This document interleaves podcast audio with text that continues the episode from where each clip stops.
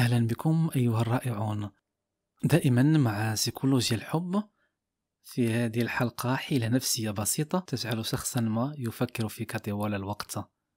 فمرحبا بكم أحبابي مرة أخرى.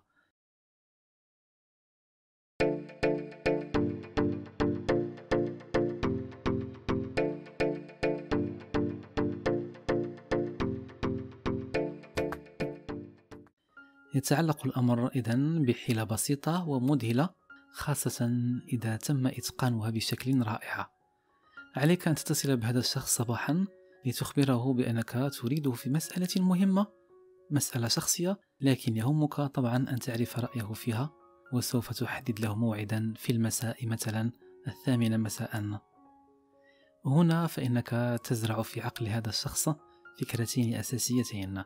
أول شيء هو يريد أن يعرف طبيعة هذا الخبر وثاني شيء سوف يشعر بالثقة الكبيرة لأنك وضعت ثقتك فيه وتود أن تعرف رأيه في هذه المسألة. الأمر يتعلق بقدرتك طبعا على صناعة خبر ما سواء كان شخصي أو ذو أهمية متوسطة أو غير ذلك. فقط أن تخبره في مسألة مهمة وشخصية وتطرح عليه السؤال التالي عن رأيه طبعا في هذه المسألة. صدقني إذا تمت صياغة هذه الحيلة بشكل رائع فإنك سوف تشغل عقل هذا الشخص لساعات طويلة طوال هذا اليوم.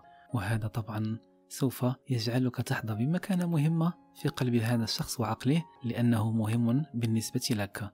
وطبعا دائما أنا أركز بأن العلاقات تنبني على جزء منها على بعض الحيل النفسية.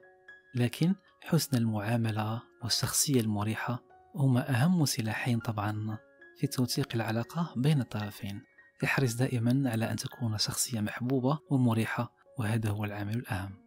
يوسف حسن في أمان الله.